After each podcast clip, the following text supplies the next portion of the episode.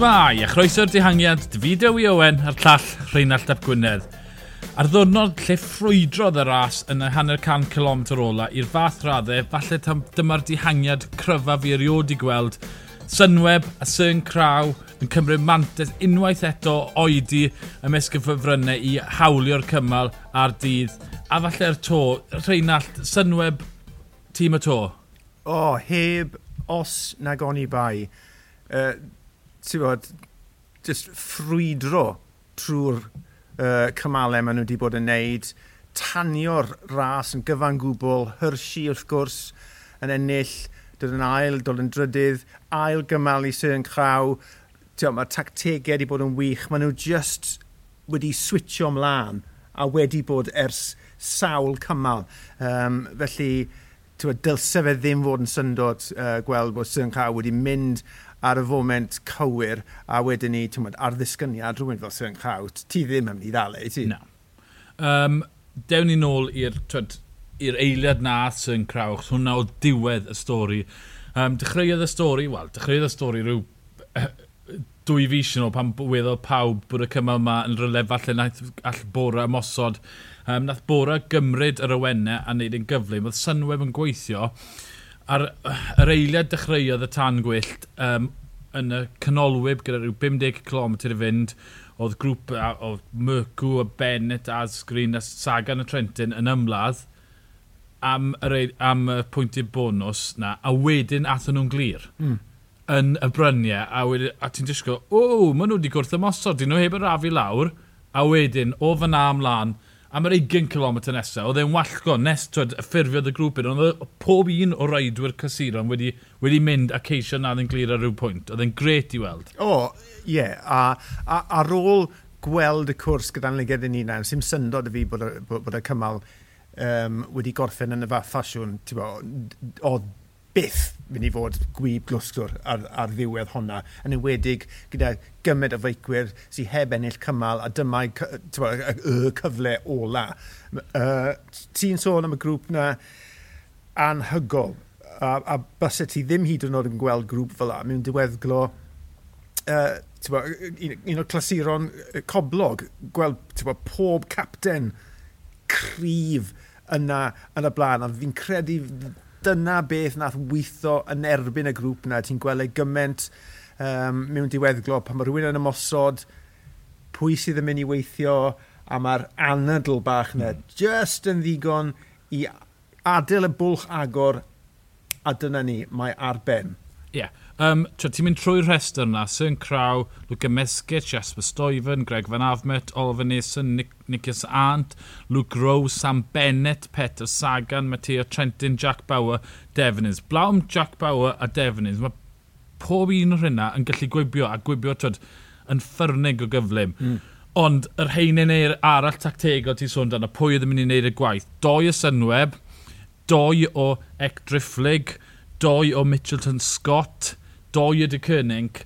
Um, a twed, oedd yna ymysodiadau o nifer o bobl. Trentin oedd bron a naddi'n glir. Twed, Trentin a Greg Van Afme, doi seren. Wedyn, twed, oedd Jasper Stoifen fan arbennu hunan. Wedyn, um, Oliver Nes yn arbennu hunan. Luca Meskic a, a o Mitchelton Scott a Jack Bauer ddim cweith mor enw yna, ond fel dy Cynnig, dy Sam Bennett, dy Dries Devonines, fi'n credu oedd y rai o'n nhw'n pwyso arno. Pam nath Syn Craw ymosod gyda 16 km yn weddill. Ro'n nhw'n disgwyl ar, ar, ar dy cynnig, cant nhw yw arbenigwyr y clasuron, ond oedd oedd gwaith arall dyn nhw'n wneud, oedd gwaith a dydd y dy cynnig, oedd ddim y cymal yn y Cris Gwyrdd, oedd nath Bennett ddim gadael um, Olwyn Sagan. Fi'n credu ta dyna'r lle llwyddodd twed, meddwl chwym synweb ddeall bod y dynamic ddim yn normal, bod y cynnig ddim yn mynd i, i en, erlyd e. Hefyd, cofio oedd Nicky Etant yn y grŵp, mm -hmm. a fi'n credu oedd hwnna wedi um, ychwanegu at yr anadl yna, lle yn ymwneud, reit, mae Sun Crowd i mynd, oedden ni'n mynd i dywys ant i'r linell, ond wedyn ni, maen nhw'n deffro mynd, wel, son ni'n mynd i adael e fynd. Reit, mae rhaid ni rhywbeth, ond fel fi'n gweud, mae'r anadl yna'n ddigon i, i adael y, y, y bwlch i agor, ond gret bod, bod Sunweb wedi llwyddo cael dau aelod yn y, y dihangiad tynged fennol na um, siapo unwaith eto i'r tîm. A, a ti'n dis... yn sicr, gant y cant. A ti'n disgyn nôl ar yr ymasodiad yna, oedd dy cynnig yn pwynt o beth sy'n mynd, wel, dim ni, a, a wedyn pam disgyn Mitchell and Scott yr ail, a twyd, wel, dim pwysau yna ni, dim y ffefrynnau ni. A wedyn, twyd, y trydydd tîm na gyda twyd, nifer a bobl cryf, Greg Van Afmed, Matteo Trentin. Matteo Trentin yn edrych, edrych i weld os oedd cyfle gyda fe yn y Cris Gwyrdd. A fi'n creu hwnna oedd y ffactor dractegol mowr arall, bod Sagan ddim yn mynd i cael unrhyw rhyddid o Bennett a bod Trentin na fyd. Felly, twyd, oedd e ddim doedd dim yr hyblygrwydd na gyda Trentin yn fan afmet, sydd ddim cweit i asio fel uned, twyd fan afmet yn mynd gros i, i ymuno ôl fan nes, felly bydd hwnna mwy o'r llwyddiant. Dyn nhw ddim yn disgwyl fel bod nhw cweit yn gweithio gyda'i gilydd. Um, oh, Sam Bennett, um, mae'n llwyr heiddiannol. Dyma'r tro cynta ni wedi gweld Peter Sagan yn cyrraedd Paris heb ei ddwylo ar y Cris Gwyrdd a mae wedi digwydd achos bod Bennett yn gryfach. Dim yr esgus, o, oh, gollodd y pwyntiau hyn a llat, gollodd y pwyntiau achos oedd Bennett wedi rhoi dan bwysau, nath, nath Sagan cangymeriad y digri, a oedd e'n wych gweld Bennett yn glynu'r olwyn, nath e ddim rhoi modfedd i Sagan trwy'r dydd. Na, a, a dyw e ddim wedi gydol y daith. Mae wedi dod trwy'r Alpe a, a, a coesau cryf, oedd na'n glir i weld heddi, Ie, uh, yeah, llwy'r heiddi'r Cris na dim, dim trwy anffawd mae wedi ennill, mae wedi ennill trwy uh, ennill y pwyntiau mo, ar y linell derfyn ac yn, yn yr uh, gwibiau uh, canolig. Ie, yeah, ffantastig. A'r, ar ffordd mae ma, ma, ma Sagan wedi bod yn gwibio, mae wedi bod ychydig yn wyllt i fi, mm -hmm. sydd yn dangos bod wedi colli limpyn e ychydig bach. Um, anhapus bod Bennett ar yr un llaw yn cymryd y Cris ac ar y llaw arall bod e ddim mor gryf a mae fe wedi bod mewn blynyddoedd a fi. Mm -hmm. Ni wedi trafod gymaint am y clo mawr a paratoadau beicwyr yn wahanol, rhaid i delio'r sefyllfa'n well, pwy o'r beth wedi digwydd i, i Sagan rhwng y dechrau'r flwyddyn a nawr. Ond, ie, yeah, ben y gysgwyddau, a dylse fe fod yn brod iawn hyd, bod, mewn i Paris yn gwisgo'r uh, y, y, y gwirdd na, achos fe nath ennill y Cris na. Ie, wir. Y Cris Melin, diwrnod gym gymharol tawel i'r ffefrynnau, o'n nhw'n hedfan, twyd, nath nhw orffen yn gyflymach na'r amser cyflymodd y trefnwyr yn mynd i fod, ond o, dim lot o broblemau wedi bod yr hewl, a gath nhw twyd, a, a 30 40 km diwethaf mi gath nhw ymlacio. Um, pob un o'n nhw'n disgwyl mlaen, at y ras yn ebyn y cloc o lwr i La Planche de Belfi.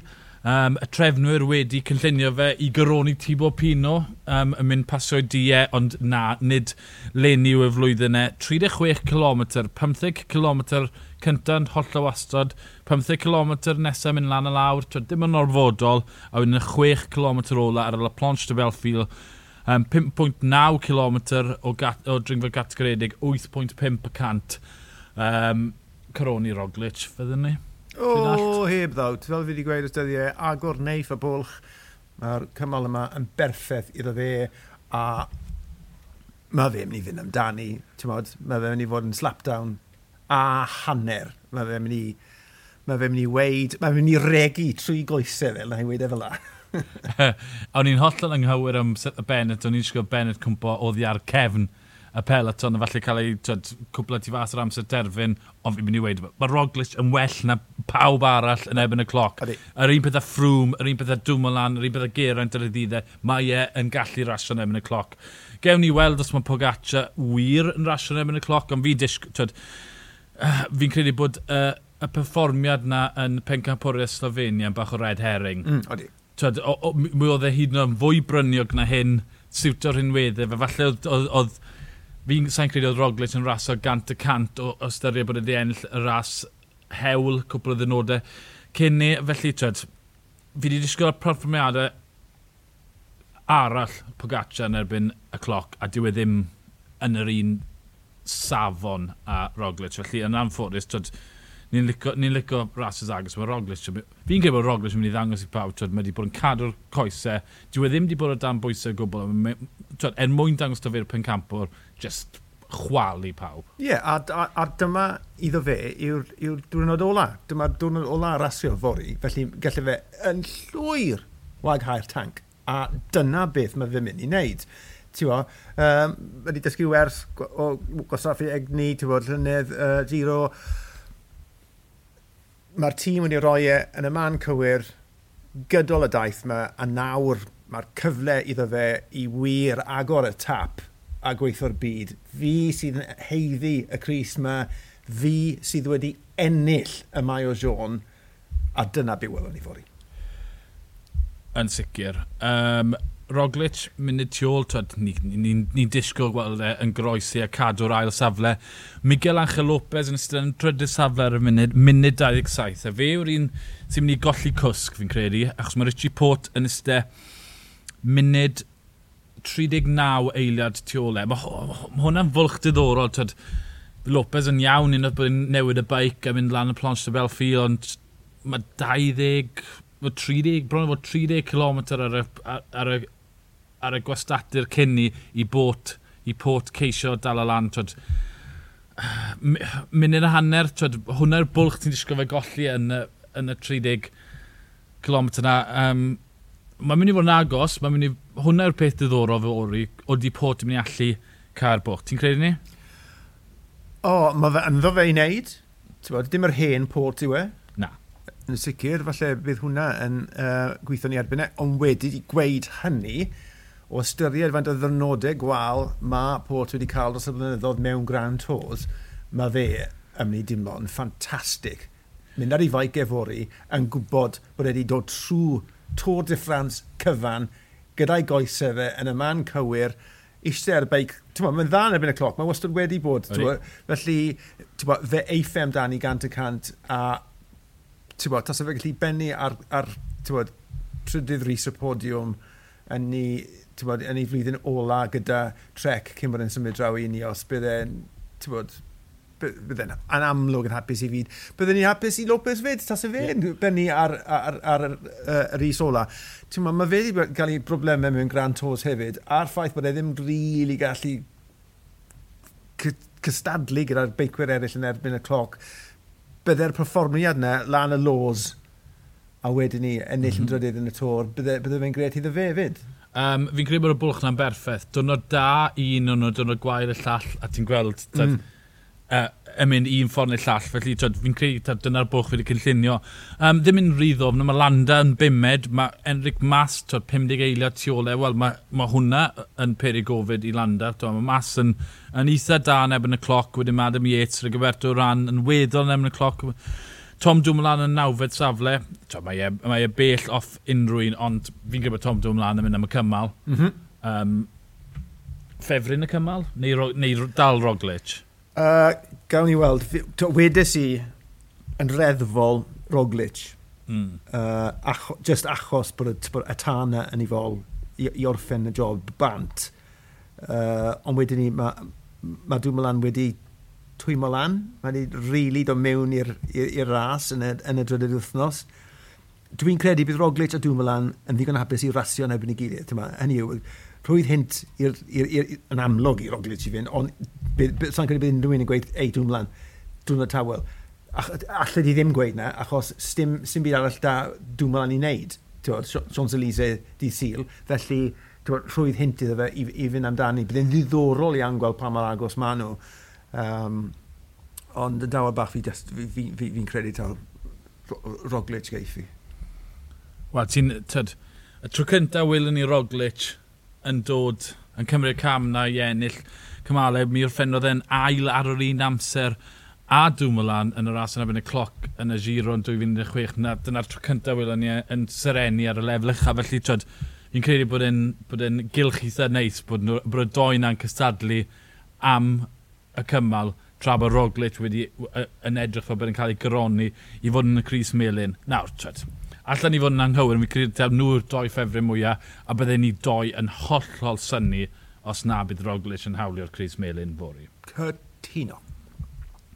Wel, byddai ni doi ar yr awyr fori am ddoi i drin a thrafod beth sy'n digwydd yn yr as yn ebyn y cloc. Ymunwch dyn ni, bryd ni ac ar ôl y cymal i drafod beth i gwyddodd a pwy hawlydd y Cris Melin. Ond o fideo i Owen a'r llall Rheinald Ap Gwynedd, ni o'r dihangiad, hwyl.